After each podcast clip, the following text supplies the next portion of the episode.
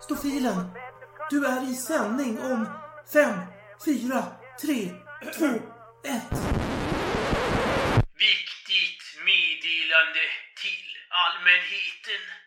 Jag varnar härmed känsliga lyssnare att detta avsnitt innehåller en hög grad av trams, felsägningar, intoxikering av rusdryck och otillbörlig självgodhet.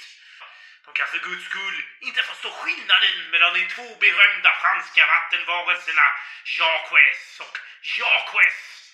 Hopplöst! Nå, ni får nu anses vara förvarnade och lyssna vidare helt på eget bevåg. Slut på meddelandet. Hör du pojkvaskar, vi var igång bandet nu.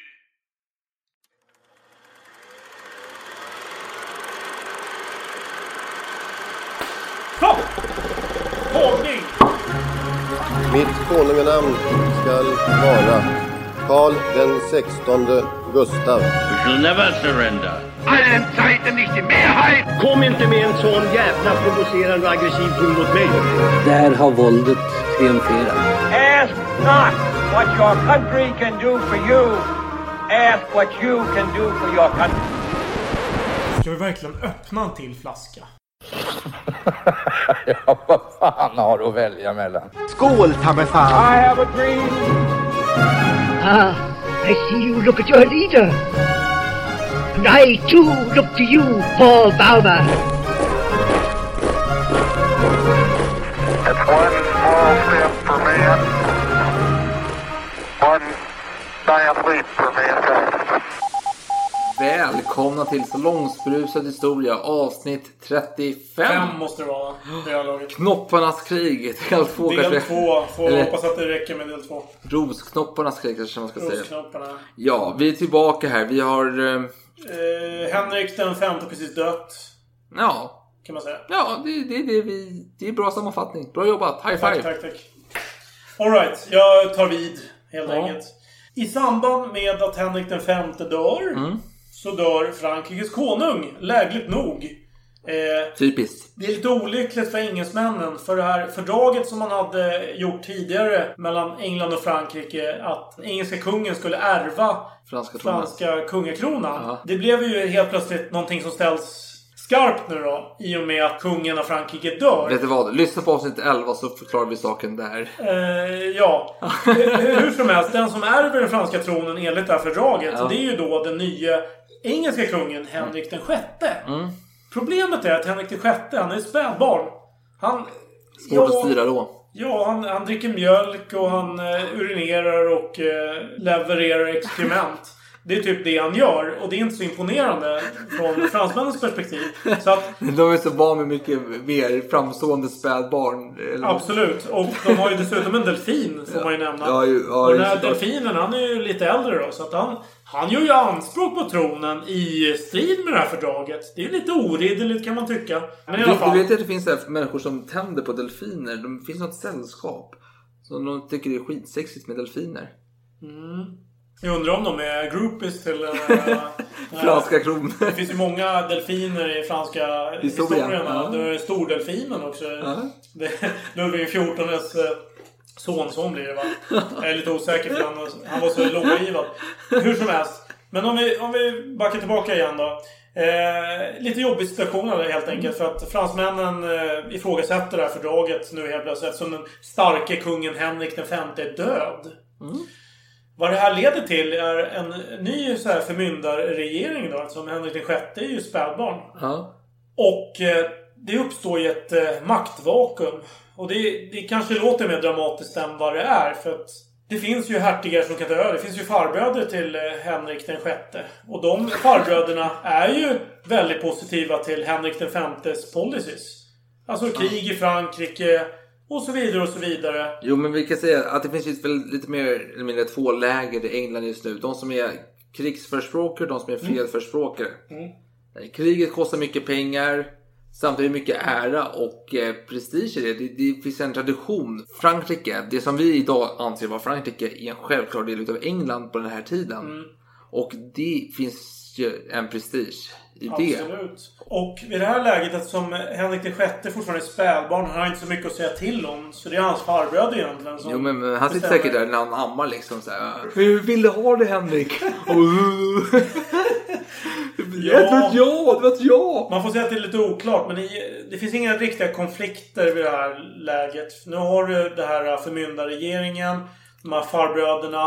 Eh, lite status quo skulle jag säga. Men jag såhär, farbrorn är så här tre eh, män och en bebis filmen med Steve Guttenberg. Ja. Ja. Jag tänkte inte dra det så långt, men jag skulle säga att än så länge ingen konflikt överhuvudtaget. Han är spädbarn. Eh, England har precis haft en väldigt stark kung. Väldigt stark tilltro till kungamakten. Det är en väldigt stabil regering. Man gillar ju ändå spädbarn. De har ju som sagt runda kinder, De håller alltid gulliga. med. De är snälla. De gråter lite så här gulligt på något sätt. Det är lite så här, det är älskvärt. Ja. 1423 medan Henrik den sjätte skriker i sitt barnrum. Ja. Då sker fördraget vid Amiens. Och varför det är intressant kan man fråga sig. Med god anledning. Ja. Jo, Berätta. England allierar sig med Bretagne och Burgund för att Oj. bekräfta fredsfördraget vid Troyes. Den, den, den är stor. Ja. Men... Allt ett men. Det här leder då till att det blir fraktioner i Frankrike. Du har ju då den franska med delfinen och allt det där tjafset. Sen har du engelsmännen. De är helt plötsligt allierade här i... eh, Vad fan hette den franska regissören? Luc Besson. Han gjorde den här filmen Djupa blå, Stora blå. Vad fan heter den? Är det verkligen det? Ja, men inte han som gjorde den Stora blå? När man sitter och dyker och håller på. Du här. tänker på Jacques Cousteau eller? Jack... Ja, vad fan sa jag? Luc Det är- ju Action. han- det femte elementet. ja, Det är nog en helt annan. samma genre. Mm. Ja, Okej, ja, förlåt, förlåt. Om jag ska försöka sammanfatta lite. Det händer inte så jävla mycket. Han är ju fortfarande späd och det är inte så intressant. Nej men jag vill komma till, delfinen Ja. är ändå ett trevligt fransk inslag även i film. Eh, skapar saker från delfinen- 90-talet. Han är trevligare än sin galne far. Karl den galne. Men i alla fall, om vi går vidare lite grann. 1429. Nu händer intressanta saker. Nu är det så att det är en belägring av Orléans. Och Jeanne d'Arc gör inträde! Vänta, det är fan Lupison som har gjort den stora blå. Okej. Det är fan Besson. Ja, det Försök kanske- inte att komma här och försöka men- smiska mig på fingrarna. Cousteau är ju den där dykaren. Jag tänker att stora blå måste ju vara hav... Jo, jo, det är när han sitter och dyker världsrekord. Det är Luc Besson. Men Besson heter- kanske var regissör till Ja, precis. Cousteau. Ja. Ah, där föll. Okej, men stå för det då. för. Ja, ja, ja. Vi kom till en samsyn Ja, till slut. Det var precis. Det var som Lancaster och York här som äntligen eh, fann freden. Eh, Okej, skitsamma. Eh, jo, men det är den här belägringen vid Orléans. Och eh, hon, Jeanne d'Arc, övertalar den här delfinen. Bara, eh, hurru, hurru delfin. Ja, kom igen nu. Jag har en idé här. Kan inte du, kan inte du gå till, till Reims och bli krönt? Varför inte, säger han. Han, han tänker bara Ja, ja, ja, nej men vad, vad du än säger eh, heliga eh, Domma. Eller, nej, jag vet inte. Okej, Han kanske... ja, vi kan nämna det att eh, på den här tiden var det väldigt vanligt med prostitution inom eh, armén. med Jeanne d'Arc att göra? Jo men, jo men det har faktiskt med Jeanne d'Arc att göra. Att, Ja. eh, behovet utav att hålla på att förlusta sig med prostituerade minskade Mm. inom armén. Man ville inte hålla på med sånt om man hade en sån här, um, vad man kallar henne för, eh, jungfru bredvid Mm, sig. Eh, och det tänker mig på den här, de här två franska fransyskorna som fick medalj under men kom igen, kriget i Indokina. För att man hade, de var ju två prostituerade kvinnor som hade underhållit ett helt kompani av franska soldater under kriget i Indokina. Då. Och till, för detta, för att begränsa eh, alla könssjukdomar och sånt, eh, att inte sprida dem, eh, så fick de ju medaljer. Ja, har du något... Har, har du någon summering av det där? Nej, men vad säger jag att eh, de var lite mer fysiska. Jeanne d'Arc var lite mer Psykiskt. psykisk Ja, närvaro. Det är absolut. det som skiljer dem åt. Ja. Ja. Eh, vi, vi ska såklart inte gå in på Jeanne d'Arc här. Men eh, han gör i alla fall det. Nej, men det var en påsk, eh, påskbrasa. Ja. Ja, i, i maj där ja. Maj- maj brasa, i, kanske man säger. I eh, Rouen som är, var britternas eh, huvudstad egentligen i Frankrike. Eh, en annan historia i alla fall. Men i alla fall, att just delfinen kröner sig. Det, det går ju strid mot det här fördraget. Ja. I alla fall. Så att Karl VI, han blir lite... Han, han behåller såklart anspråket men, eh, men han är fortfarande en yngling. Och eh, det är helt enkelt inte så jättebra. Bra start på hans regeringsskap kan man säga. Eh, för det går ju dåligt nu för, i kriget. Det har ju gått bra under Edvard III, det har gått bra under eh, Henrik femte. Men nu, nu börjar det gå lite emot där. För nu, har, nu, nu går det bra för Jeanne d'Arc och eh, hennes anhängare. Krigslyckan vänder. Precis. Och eh, 1435, eh, sex år senare, då sviker burgunderna det här fördraget som de slöt med engelsmännen och eh, skriver på ett nytt fördrag med eh, Karl VII. Han, nu kan han titulera sig Karl VII för han är ju krönt. Ja, han är inte delfin längre. Han är inte delfin, han är en val. Jag vet inte fan. Eh, det, här, det här är ju ett stort eh, slag mot britterna, va? Att, eller mot engelsmännen. Att burgunderna, deras eh, trogna allierade, har svikit dem.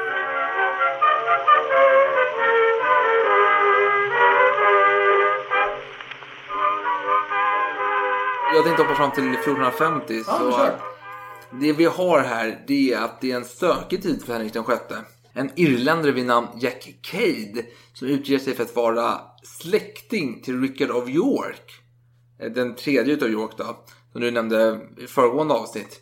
Eh, och han gör uppror mot överheten. Dels för det hårda skattetrycket. Detta innebär att det blir ett uppror i London. Eller uppror, alltså de här jävla bönderna kommer till London och står vid London Bridge och håller på med sina jävla... eh, Fan vad, har bönder för någonting? De har Eh, högafflar. högafflar säger vi, ja. Det tänker, tänker jag på Skönheten och odjuret. Den här textraden. 50 fransmän kan inte ha fel. Va? Vad är det för någonting? Det är roligt när, när pöbeln i uppror ska storma slottet i Skönheten och odjuret. Det är så här, när, de, när de går mot odjuret. Ja, så är det så här, 50 fransmän kan inte ha fel. alltså, Va? Är det en sån låt alltså? Ja, det är underbart. Nej, Jesus, underbart. jag får lyssna på den här ja, och- det är och bemöta fantastisk. det. fantastisk. Mm. Eh, Framför mina ja. Men i alla fall, man arg på det. Är den som är ansvarig för skatte, alltså skattetrycket i det är London. inte kungen. Nej, nej, det finns en skattemästare i London. Ja. Och Ja, kungen, vi säga. kungen skickar med självklart ta honom. Det är lugnt. Ja. Eh, jag kan inte nämna hans namn, men det som jag tycker är kul är att han avrättas i Sheepside. Cheapside. Okej. Ja, den billiga sidan. Ja, eh, jag tycker det är fan roligt. Förlåt, alltså, men det är, det är kanske brutal humor, men jag tycker det är... Cheapside. Ja, det är, det är lite kul ändå. Lite, lite klassamhälleshumor där. Eh, men, nej, nej, nej, men någonting som jag ändå vill komma och raljera lite över. Det är ju det här med att eh, när man väl protesterar mot kungen egentligen. Man, Ja. man ogillar kungen. Ja. Men man säger ju inte att det är kungen man är emot. Utan det är Nej. alltid rådgivaren. Det är Ja, deras fel. Henrik den sjätte då, han är i London. Han är gift med, det har inte nämnt, Nej, Margareta... det ju. Ja, Margareta av Anjou. Och hon är inte vilken som helst. Hon är ju dotter till en... Ja, han påstår sig själv vara kung av Jerusalem för mig. Och en del andra. Han är kung av allt möjligt. Men i praktiken är han kung av luft. Skulle jag säga. Eller vad, vad säger du? Har du någonting att... Jag tänker som Joe Labero. Kung Labero. Eh, Hon har ju faktiskt lite mer kött på benen. Hon är ändå, eh, jag tror det är brorsdotter eller systerdotter någonting till kungen. Alltså Karl den sjunde. Eh, vi behöver bena ut detta lite, Ja. känner jag spontant. För Henrik den sjätte, hans mamma, Var Katarina Valois. ja, som som var dotter till, till den galne, galne kungen. kungen. Det kommer han lite påverka, King. ja, det kommer han påverka senare. Den sjätte var gift med Margaret av Anjou. Mm. Och hon var dotter till den här kungen av Jerusalem, alltså den här uh, Joe Labero.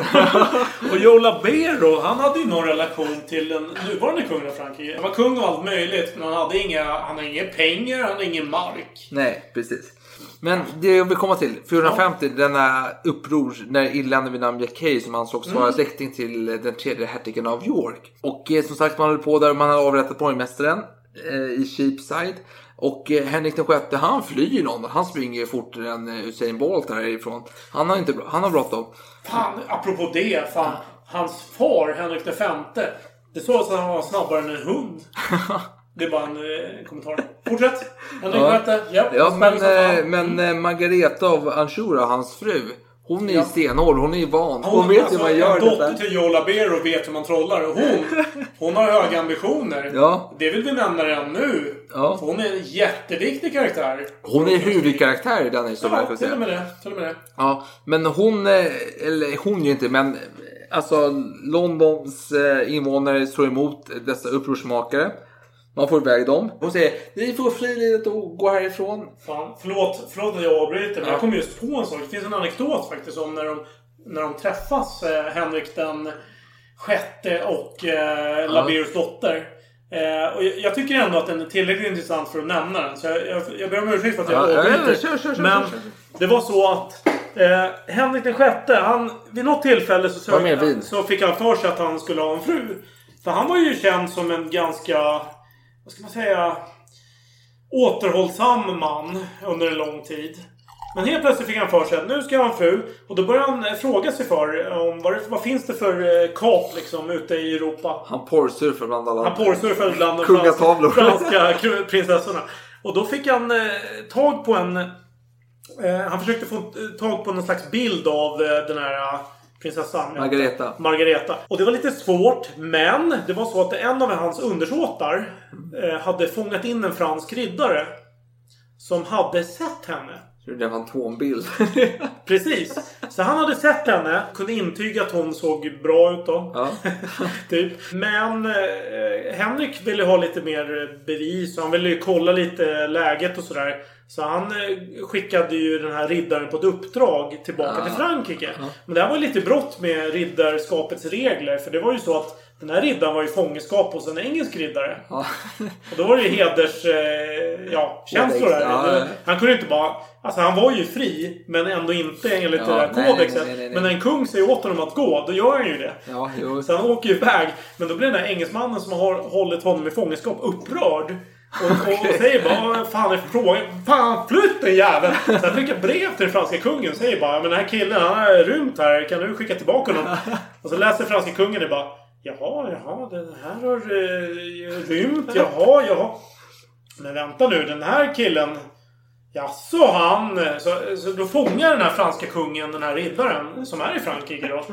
Och, eh, och eh, förhör honom Men han, är- han är alltså en peeping tom. Alltså han ska spi- spionera, tjuvkika på drottningen. Här. Ja, Alltså, lite så, men den franska kungen blir ganska nöjd. För han tycker ändå att det är, ja, det är bra att han gifter sig med henne. Så här. Ja, men okej, men då, då kan du åka tillbaka och säga att hon är jävligt snygg. Liksom. Det, var, det var på den nivån. Men Eh. jävligt dåligt för den här engelska riddaren som hade honom i fångenskap att gå direkt till franska kungen och inte till sin egen kung. Det kan man tycka. Lojalitetsbrott det var, där. var inte riddarskapet. Det var ju ändå... Den franska kungen var ansvarig för den franska riddaren. Han gick direkt till den chefen. Förmyndarskap liksom. Ja, men det var en skön Ja, eh, ja. grej. Jo. Eh, I alla fall, tavlor utbyttes fram och tillbaka precis som på färsens tid. Ja, ja. Tavlor, mycket Så, tavlor. eh, och eh, Henrik den eh, sjätte var ju väldigt betuttad. Det var lite kul för att när eh, den här drottningen, eller hon som skulle bli drottning, väl åkte över. Hon var ju sjösjuk och allt möjligt. Då kom det helt plötsligt en page fram och lämnade, gick ner på knä och lämnade över något dokument av något slag. Eh, Det var ju ett brev faktiskt från, från eh, Henrik den sjätte. Och så började den här eh, franska Margareta. Margareta läsa det här brevet helt beslukad. Ja, ja, ja, okej, okej. Och så gick hon därifrån. Och sen visade det sig att det hade varit Henrik den sjätte som hade klätt ut sig till en page. Och, eh, och ställt upp det här brevet mot henne. Och då hade någon av eh, Henrik sjättes tjänare frågat eh, framtida drottningen bara Tyckte du, vad tyckte du om pagen? Bara, Nej, jag sket i pagen. Svarade, svarade hon då. Hon, hon gick på meriter och titel här. Ja. Precis. Sen fick hon information om att det var han då. Så ja. oj, oj, oj. Så, men man får säga att de hade tydligen en bra relation. Eh, och, men så småningom så visade det sig att Henrik den sjätte var ju ganska svag konung. Och eh, medan eh, Margareta av Anjou var mycket stark. Och Ja, det, det var någonting som ja, växte absolut. sig fram också. När hon insåg att han var ganska Värdelös. svag.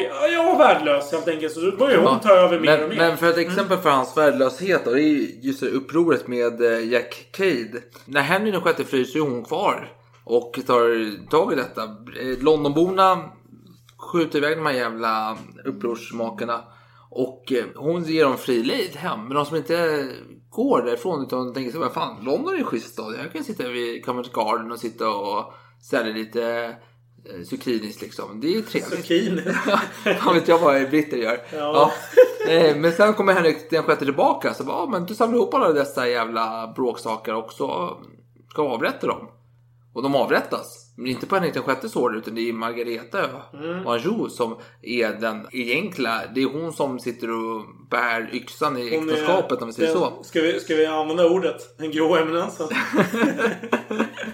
Ja, mer, mer eller mindre.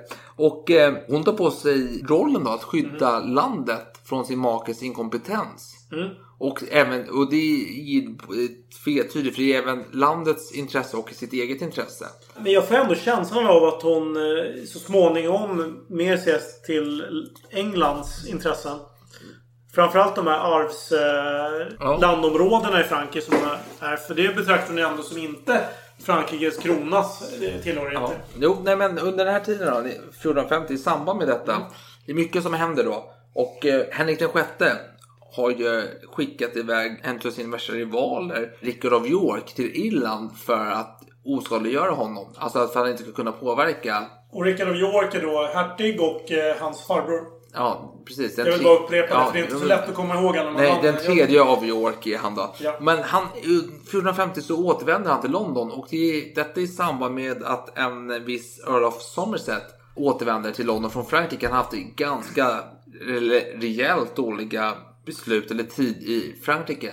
Ja, han har varit usel helt enkelt. Han har Ja. varit ståthållare va? Ja, och de är emot varandra. Det är, det är en konflikt Ja. mellan de här två. Och drottningen tar ju parti ganska tydligt där. Ja, eh, absolut. För Somerset. Är en av Henrik VIs närmsta män till Yorks. Eller snarare kanske drottningens närmsta män. Jo, men ja, indirekt. Eh, Henrik Han är VI. ganska lelös. Ja, eh, jo, precis. Her- Karl- Ja. Ah, Henrik. Sjätte. Ja, men och eh, Rickard of York, han är ändå så här, han, han vill landets bästa, han är en patriot i hjärtat. Han vill Englands bästa, så han går fram till Henrik den sjätte och säger, eller det är parlament då, och han säger så här, jag vill bli din Lord Protector. Alltså, vad kan man säga, skydds, eh, rådgivare, att den som mer eller mindre styr England. Med tanke på att Henrik sjätte är ganska värdelös som konung.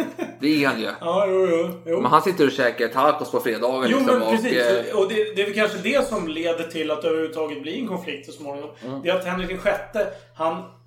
Han är så ointresserad av makt känns det som. Att, att han efterlämnar ett eh, maktvakuum. Lite som Rickard II under hans eh, ungdom. Ja. Men nu är det liksom... Det är skarpt läge här. Ja, precis. Och då parlamentet säger du bara Fast den stora skillnaden, förlåt att Ja, jag, förlåt. Att jag avbryter. Men Mitt han- fejkskratt här. Den, Ja. stora skill- den stora skillnaden är att han är visserligen ointresserad av makt, men han har ju en fru nu helt plötsligt som är väldigt intresserad. Jo. Hon, hon har ju tagit parti. Så hon har ju skapat en konfliktlinje. Eller? Är det hon som har skapat konfliktlinjen eller är det York som skapar Ja, ja, konfliktlinjen? någon av dem har skapat Eh, konfliktlinje. Margareta hon står ju för sina intressen. Jo, och men- York står för sina intressen. Men om vi leker med tanken att, eh, att eh, Margareta av Anjou var en helt ointresserad av makt. Mm. Då hade ju Henrik den sjätte blivit mer av en marionettdocka. Liksom. Marionett. Jo, men, men Margareta av Och det hade inte Anjou, blivit någon konflikt. Anjou har ju en väldigt viktig del i engelsk historia överhuvudtaget. Och det är ändå en titel som förpliktigar. Så hon har ju ändå legitimitet i engelska sidan också, förvisso. Eh, men skitsamma, om vi bortser från det så är det så att York, han säger så här, jag vill bli Lord Protector här. Han går till parlamentet. Jag står på din sida, Henrik den sjätte. Jag, jag är stabil, jag har stått vid eh, kungarnas sida sedan urminnes tider. I alla fall några generationer tillbaka. Eh, och de, de bara, nej, skärp dig nu, fan York. Fan det är för sent. För 16 dagar sedan så uh, han till den här jävla lyrian. Somerset liksom. Han, han, han fick ju rollen som Lord Protector istället. Somerset känns ju som en eh, så här, skön lirare som lyckas eh, manipulera Men han- lätt han- svagsint Jo, men- eh, kung. Liksom. Men han, han hänger mycket vid Tylösand liksom och dricker sköna drinkar och sitter och... Alltså, det är den känslan man får. Jag ska säga det, för jag jag har ju bara läst en bok om, i det här ämnet och sen lyssnat på lite poddar och sen. Men det jag får ut av den här boken är att York är lite av eh, hjälten. Att han är den resonable här och, och, och sådär. Men det, det är såklart väldigt subjektivt kanske. Ja, när han påkallade att eh, kejsaren är naken. Kan man tycka. I min... Det kan man tycka och med eh, det sagt så eh, de perioder då han haft mycket inflytande så har det fungerat väldigt bra sägs det då.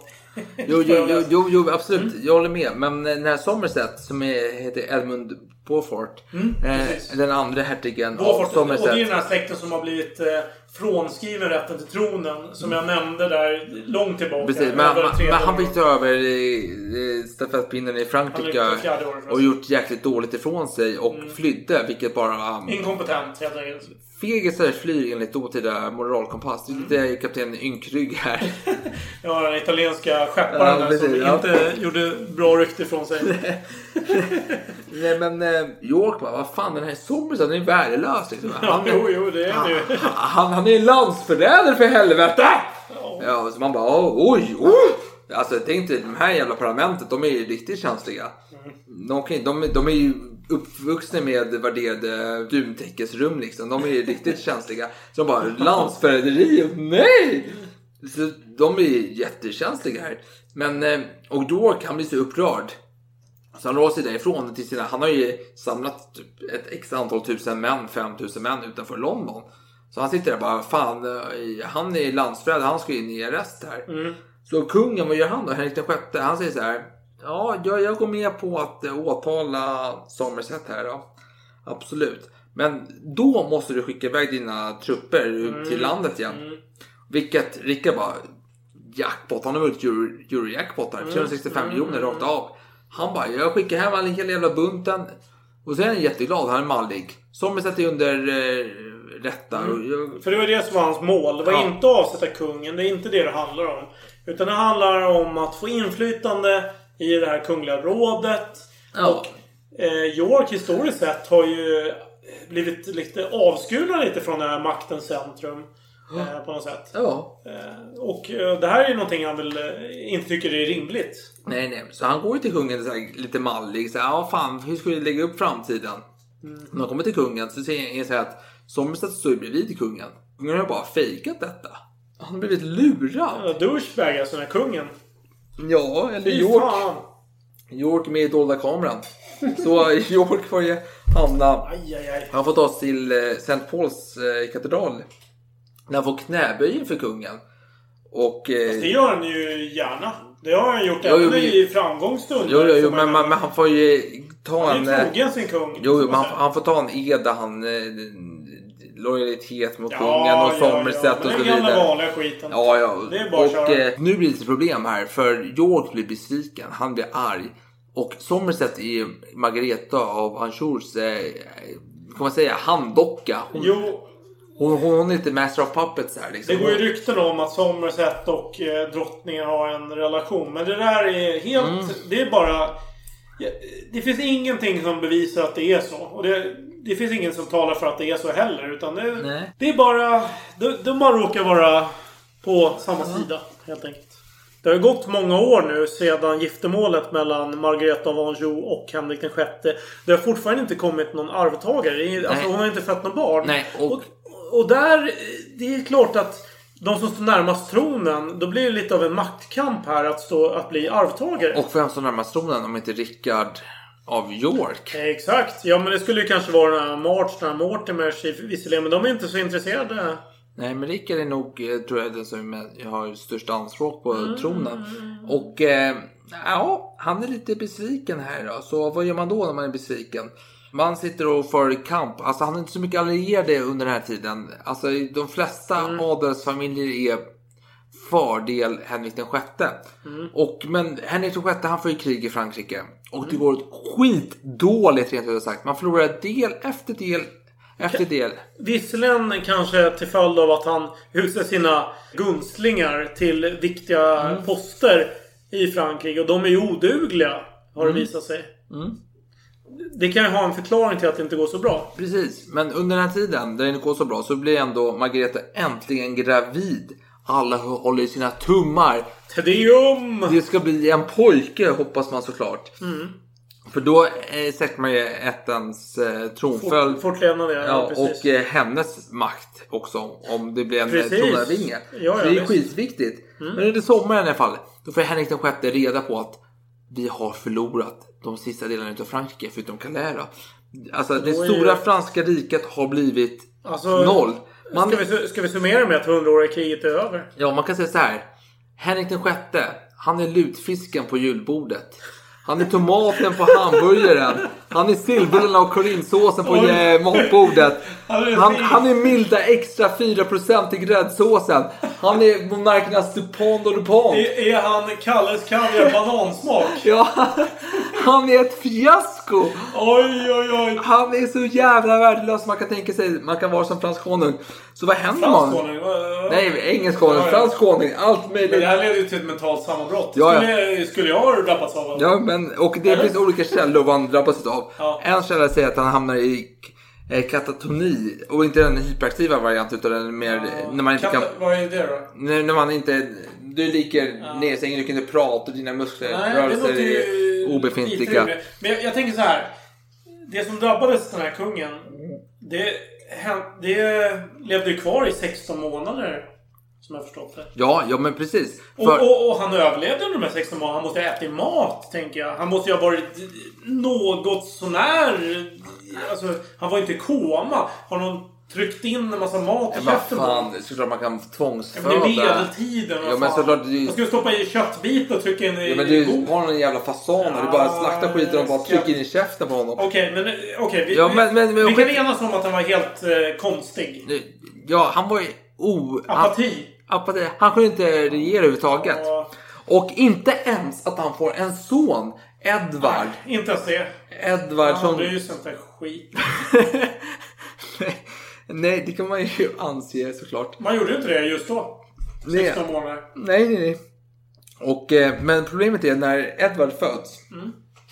Yorks anhängare sprider rykte om att det inte är hans son. Ja, och York går ju inte ut och säger att han håller med om det här ryktena såklart. Han är ju, han är ju en smart politiker. Han går ju inte och eh, försöker få sitt huvud avskuret på något sätt. Men han försöker inte tysta ner det heller. Nej, nej, nej, nej, nej, nej, nej, nej. För att han ser ju en möjlighet här. Han kan ju sänka sin fiende, Somerset. Mm. Mm. För att Somerset och drottningen, de är ju maskopi. Det är ju de som har bildat det så kallade Court Party, alltså vad blir det? Hovpartiet. Ja, precis. Innan politiska partier ens var Ja, men relevanta. alltså, de är alltså huvudpersoner i Lancaster-partiet kan man säga. Ja. Om man ska Absolut, eh, det kan man göra. överdriva lite. Men i alla fall, okej. vi har eh, status. Edvard, kronprins Edvard är född. Margareta är jättestolt. Hon kan äntligen styra genom sin son. Mm. Men hennes man är ju medvetslös mer eller mindre. Ja. Eh, och eh, hennes sons legitimitet ifrågasatts.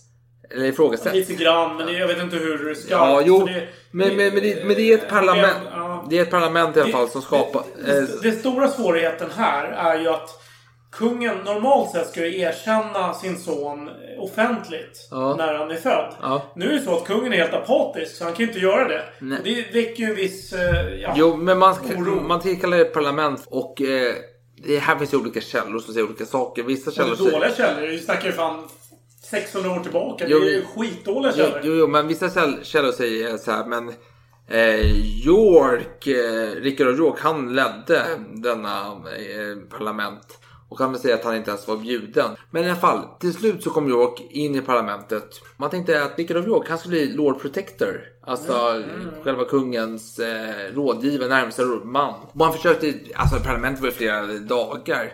Eh, Så man satt och försökte fråga kungen. Så, ah, du vad tycker du? Ska Rickard av York bli din Lord Pro- De, Protector? de, de var desperata. De, Ja. de förhörde kungen i flera timmar. De försökte verkligen bara Snälla kungen, säg bara ja! Ja, Och kungen bara Var det där ett ja? Nej, det var inte jag. Ah, så höll de på i flera timmar. Så till slut bara Fan, den jävla kungen är en jävla idiot! Helvete!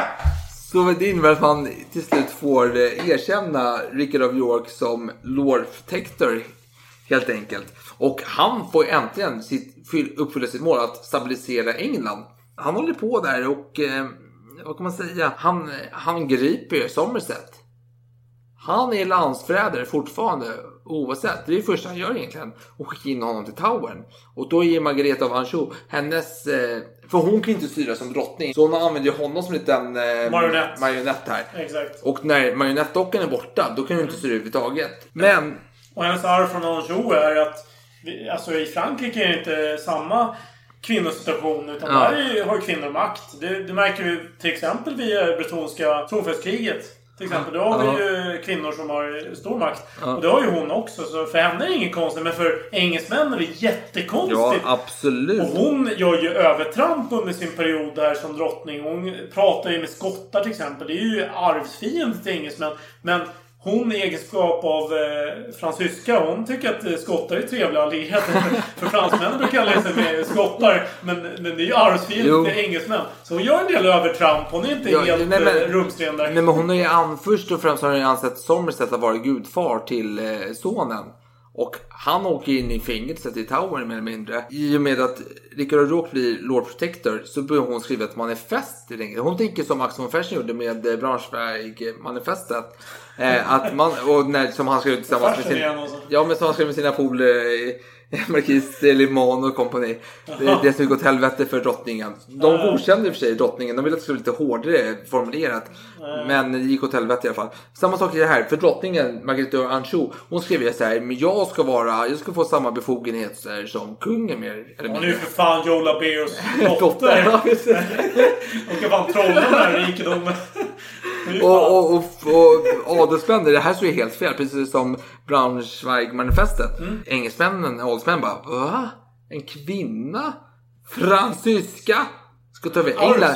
Ja, men England är ju verkligen det är solen i rikets eh, mitt. Det är alltså köttfärsen i cannelloni-fyllningen. Det är... Ja. Jo, men det är alltså... Men, men juvelen i kungariket är ju ändå på fastlandet. Frankrike, England. Ja, nej, Frankrike. Där Nej. där har de fina... Nej, nej, nej, nej, nej, nej, nej, nej, nej. härliga vinet alltså. Åh. Nej, nej, nej. Hon är skinkan på julbordet. Nej, skinkan på julbordet är inte så jävla Ja, trevligt. men hon är o- och helga natt i julkonserten. Hon, alltså, Ah, okej. England, eller hon inte. England är rättare sagt. det bestående menet på, på bordet. Nej, men alltså, och hon försöker göra anspråk på detta fina grej. Liksom. Hon, hon är inte och helga natt, det är hon inte. Nej. Även om det är en fransk eh, jul eh, som från Franska 1800-talet. jular är mycket trevligare än engelska jular ska jag säga. Från Adolf Adam. Men skitsamma. Hon är upprörd i alla fall. Och det här går inte. Och adelsmän säger nej, nej, nej. Eller De, no, eh, no, no kanske de De säger. pratar med sina tyska bundsförvanter. och eh, nu finns bara en sak kvar att göra. Det är att låta York bli då, Lord Protector. Ja. Och han gör ju jävligt bra ifrån sig. Han, Ja, han det- stabiliserar Det landet. vill jag säga. Jag tycker ju att min, den författaren jag har läst har varit väldigt pro-York. Ja, det är typ alla författare i engelsk historia, kan jag säga. Så kan det vara. Men eh, jag verkar ändå ganska... Eh, vad ska man säga? Gracious när de väl eh, vinner makt. Det är liksom inte någon ful Henrik den fjärde fulavrättning av Rikard den andre som händer. Utan det är lite trevligare. Det är lite mer anständigt får jag säga.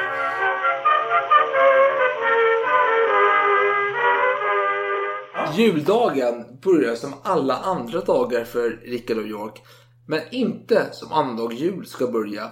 Nej. För under juldagen så vaknar Henrik den sjätte till liv. Ja men alltså det är lite ett mirakel i klass med någon sån här romantisk Netflix julfilmserie liksom. Och Det är är- symboliskt att Ja, det är just juldagen. Ja, för han vaknar till liv. Så bara, Ett Åh! mirakel. Han stressar lite så här. Åh, fan har hänt senaste 16 månaderna grabbar?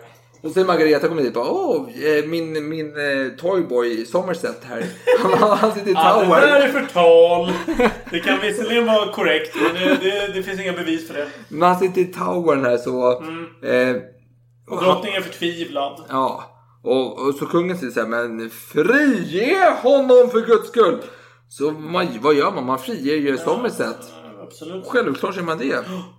Han tar tillbaka sin roll som eh, Lord Protector. Ta tillbaka, han får sin roll. Sen hur pass återhämtad Henrik sjätte är, det är väldigt svårt att veta. Man kan ju tänka sig att det är propaganda att han helt plötsligt är mirakulöst återhämtad. De källor jag har säger att han visserligen var på något sätt återhämtad, men han var ju absolut inte lika återställd. Man kan tänka sig i alla fall att eh, Margareta av Anjou och eh, Somerset då, vill hämnas nu på York som har satt honom i finkan i towern. Ja. Jo, det kan man tänka sig och det vill de ju också. Men York, han är ingen som backar batalj. Han, han, alltså, han både slår flaskan i huvudet på någon och hetsar om eh, bråk. Alltså han, han, han, har dubbla roller i det här. Han är, han är, han är Pettersson. Han är hetsig, säger så. Så han samlar sina män och eh, marscherar mot London. Och eh, Margareta hon skickar Somerset för att samla ihop lite trupper, så kungatronade trupper då. Och då, nu vankas det batalj. Och det är den 22 maj 1455 som de båda trupperna möts vid San Orban. Ja, men säg inte Olban. Och, och det är väl det här egentligen som de flesta historiker anser... Eller? Har jag fel nu? Nej, det De är- anser att kriget börjar? Ja, jag kommer hit. Ja. Jag kommer hit. Ja. För Rickard av York då, han har 3000 män till sitt förfogande och Somerset har samlat upp cirka 2000 män. Och olika källor säger- säger lite olika saker. Vissa säger att Somerset har dubbla antal Mm. än eh, York, men Som jag, jag vill bara förbigå det lite här Ja. med att Somerset, eh, hans armé kände sig väldigt trygg. De hade en defensiv position. De hade till och med, var så avslappnade. De kunde typ skippa rustningar. För de tänkte bara, de, de där har inte en chans att ta, inta Ja, våra ställningar. de bara står såhär, såhär Brownstad City Släckers liksom såhär barbystade, De, de, de låg och solade sig och ville få fina bruna biceps liksom. Eller, eller biceps, eller vad fan, eh, vad heter det? Eh, Fettbräda. Ja, ja. Som helst. De kände sig väldigt säkra. Jo. Men! Men York, alltså han är kaxig, han är ju det. Han hade ju någon... eh, Warwick. Någon Warwick! Ja. Det var han som var slug Ja, greve utav Warwick, Just eller Earl of Warwick, mm. Neville hette han. Men han var ju kungamakare. Eh, tit- Kingmaker. Ja, var hans titel. Eller, Eller ja... in, inofficiella, vi ta- Vi tar det med en nypa salt. inofficiella titeln. I alla fall. Men han gick till attack då mot eh, Somersets styrkor. Och Henrik den sjätte, han var ju vid plats. Han var ju vid Somersets styrkor där för att ge lite kungligt mod då. Och eh, ja, men York de lyckades eh, ta kungen till fånga och placera honom i, eh, i kyrkan, där, lokala kyrkan. Till fånga är väl att ta i, är det inte? Nej, de såg honom lite Var det inte så att, att kungen eh, frivilligt liksom bara Jaha, de här killarna som står bredvid mig, nej men de är skurkar. Vi sätter dem i fångenskap. Jag, Nej. jag har inget med dem att göra. Nej. York hade väl ändå... Han, hade, han Nej. bugade för kungen. Ja men vänta Han nu. bugade ja, för ja, kungen. ja, men det kommer sen. Jaha. Man tar ju först kungen till fånga. Ja, ja, ja. Sen går man fram och då... Ah, jo men vänta, fel. vänta. Ja, ja. Nej, nej, nej. Man Okej, tar inte till fånga. Så tar de i eh, eh, Albans eh, katedral där, eller kyrka, fan vad det är skiten där. Mm. Och man går till attack mot Somerset och Somerset ger upp. Han inser jag är kör. Ja, ja. Och enligt eh, dåtida traditioner så tar man ju människor till fånga. Eh. Mm. Ja, ja. Men York, ja, men York han hugger huvudet av Somerset istället. Mm. Han ska bort den jäveln. Japp. Och några andra adelsmän också på köpet. Precis, hans anhäng, närmaste anhängare. Ja, och sen i Sonarbys Abbey då, där kungen sitter under förvar. Så kommer York och hans eh, närmsta anhängare Warwick och kompani. Och Mm. de knäböjer ju för kungen. Och säger vi dina lojala eh, Ja, under, undersåtar. undersåtar. Ja. Så länge du eh, ger oss eh, jobb som dina närmsta rådgivare. Precis. Och han säger bara ja, ja, självklart, självklart mina herrar. Den här typen av eh, stridighet mellan York och kungen har ju faktiskt inträffat tre år tidigare tror jag att det var. Men Ja. det, det, det blev eh, fredligare helt enkelt. Men, men det ledde till att York fick en... eh, Han hade visserligen en armé med sig som hade ett övertag. Men till slut så ledde det till, till dynga. Han att- hade, han hade ingen lojalitet. Alltså, ing, det var ingen som sympatiserade med honom inom den men han, men han, han hade den militära övermakten jo, då men, också. men, men adeln hör inte med honom. Nej, precis. Men nu är det en annan situation. Han hade det här i ryggen när han nu konfronterade kungen. Ja. Så att han hade det här minnet av för tre år sedan. Då, vann, då hade jag också övertaget. Men då eh, slog det mig i ansiktet typ. Så Jo, han, nu- han hade lite erfarenhet. Jo, jo, men nu hade Mm. han ändå adeln, en större del av adeln med sig på sin sida Mm. mot Somerset. Men och nu kan man tycka att nu, detta anses som du sa vara det första slaget utav Rosornas krig. Så nu kan vi med gott samvete avsluta avsnittet. Ja, verkligen. Men nej, säger jag. Nej, nej. För detta är lite konstigt. För jag tycker att de närmsta 5, 6 åren ger denna batalj lite legitimitet. Och förståelse för vad som komma skall. För nu har vi, om vi bara, om vi skulle sluta just nu. Då har vi alltså Richard York som vill bli Lord Protector till konungen. Mm. Det är inte så mycket till krig, Rosornas krig. Nej, nej. Nej, det är lite så här, okej, jag vill bli din rådgivare. Ja, Mm, vad- varsågod, välkommen i- ombord. Det ser inte så mycket. Nej. För det händer lite mer saker här under tiden. Rickard och York, han blir Lord Protector, onekligen. Och, eh, men han får det otacksamma jobbet att inse att eh, skattkistan är ganska tom även för Henrik den sjätte. Och han måste samla ihop pengar till eh, riket. Så han försöker höja skattetrycket då. Och detta röstas ner i parlamentet. Så han får ingen makt där. Han känner sig bak, hans händer är bakbundna här. Han har massa reformer. De kan inte genomföras.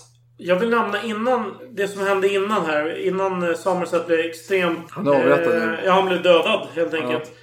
Han var ju en eh, stark förespråkare för fred med Frankrike. Mm. Och han, han gav, gjorde ju eftergifter. Han gjorde ju till, till och med kom han överens med den dåvarande kungen då, Karl den sjunde blir det va? Av Frankrike. Mm. Ja. Om att eh, lämna över vissa landområden för att få en fred. Ja. Och det var ju någonting man behövde hemlighålla det engelska folket. För de skulle absolut inte tolerera det här.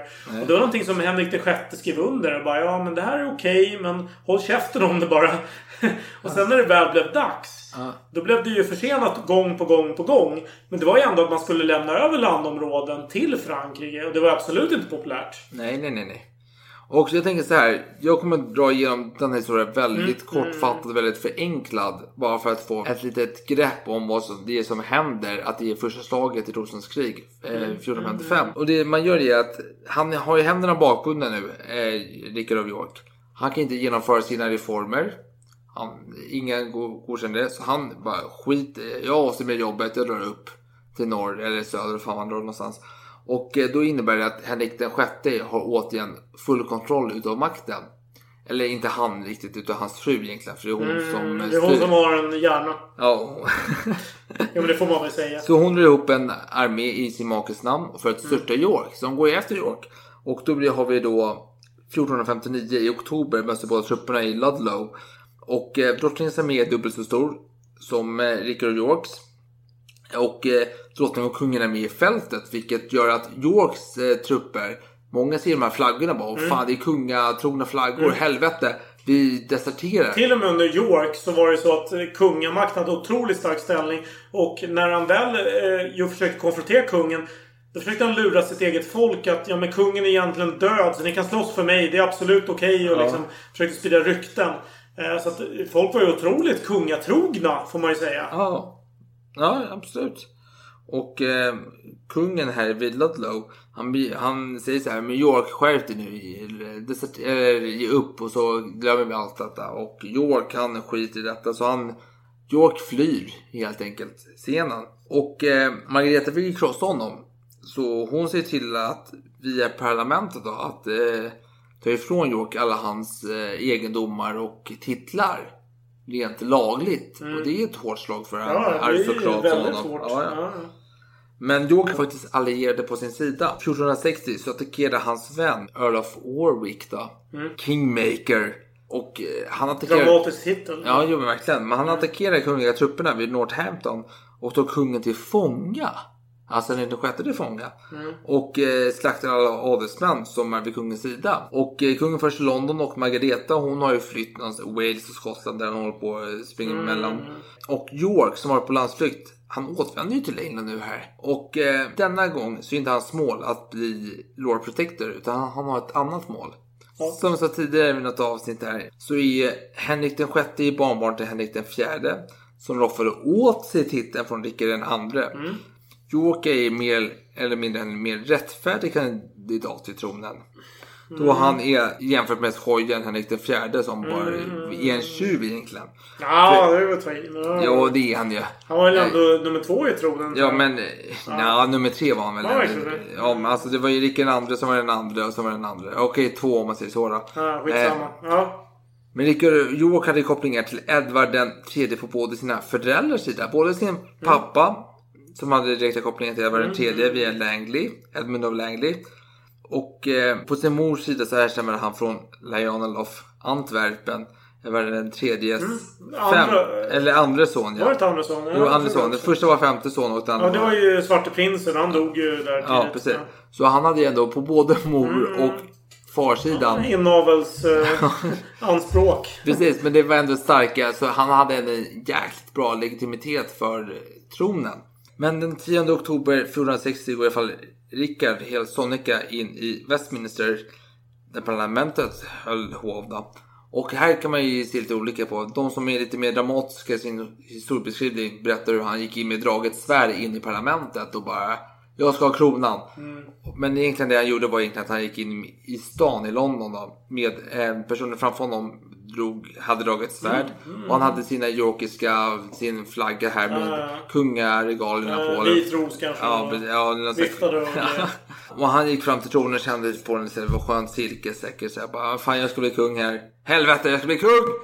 Och folk bara, jaha, okej. Parlamentet, de stod ju för ett dilemma. Antingen säger vi ja och låter den här skiten bli konung. Eller säger vi nej. För att vi har ju faktiskt en smord konung här. Henrik Ja, den en sjätte. smord konung är alltid bättre. Ja, och, men vi har dock York, Rickard Yorks armé utanför som hotar oss. Mm. Så man behöver tänka på saken. Och Man behöver tänka en typ några veckor.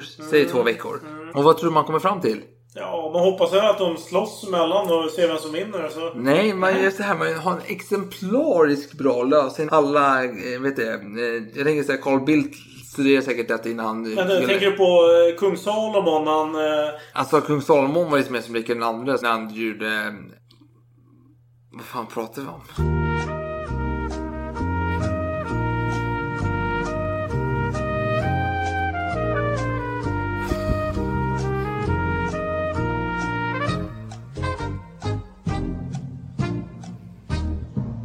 Skitsamma, jag vet inte vad vi pratar om. Jag skiter i det. Skitsamma. Eh, vi får summera skiten nu. Vad, vad har vi att säga egentligen? Ja, vänta, vänta. vänta.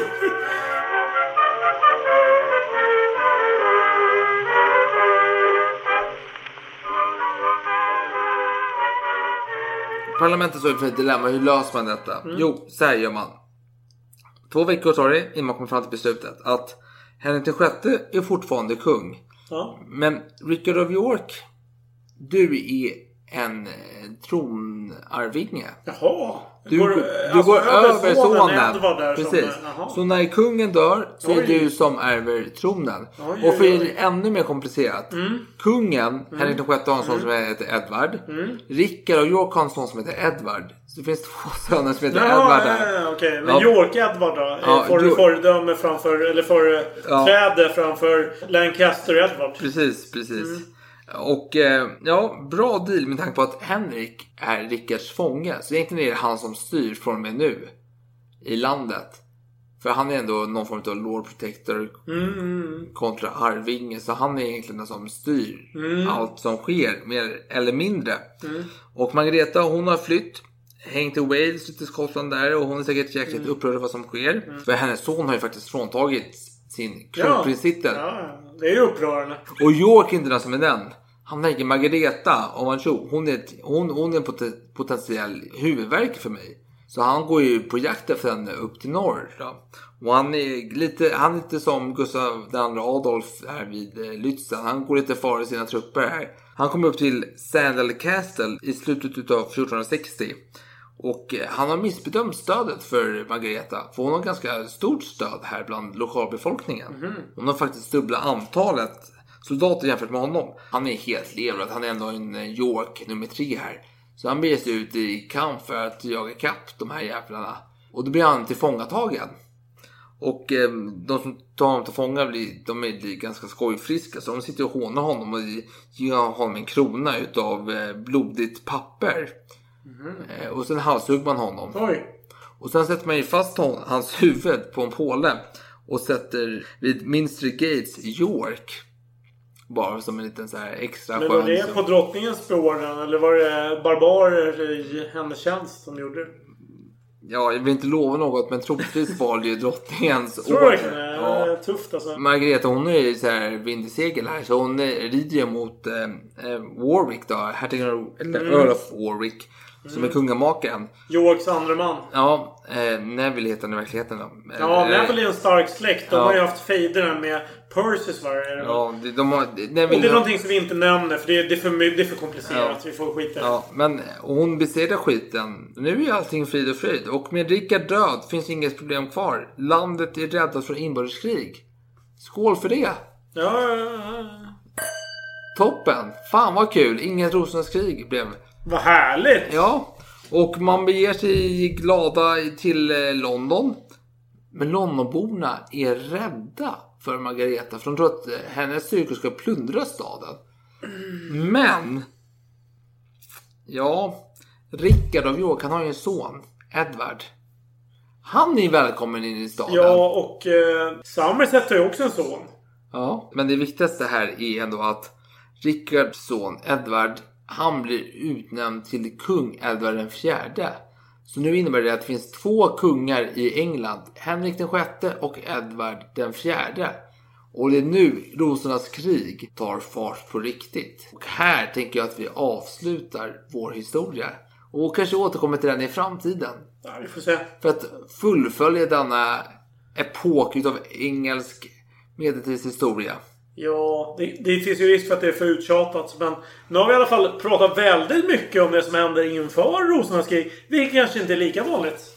Nej, men jag, tänker tänker säga, Rosornas krig, det är inget krig som är... Det är ju inte bara ett krig heller. Det är flera krig. Det- Så Rosornas krig är plural. Det är Jo, jo, som är... precis, men det är ändå små konflikter och det tar inte så jättemånga offer heller. Det är några tusental. Men det är inte som att det är något långvarigt krig som pågår i 30 år konstant. Utan det är små Nej. konflikter. Man skulle kunna fördjupa sig mer i hundraåriga kriget möjligen. Som vi bara avhandlade nu på väldigt kort tid. Ja, fast vet du vad? Ja. Vi skiter i... Vi skiter i det mesta. Nästa Skål gång, för rosknopparnas krig. Och nästa gång så söker vi skuggornas eh, land. Skuggornas land. Det är du som har valt ämne igen. Va? Skuggornas. Är det någonting som jag har gått med på? Ja, det är ditt ämne för skull. men, ja, ja, ja, men nu vet jag! Ja, men skål för skuggor skål för... Skuggornas rike.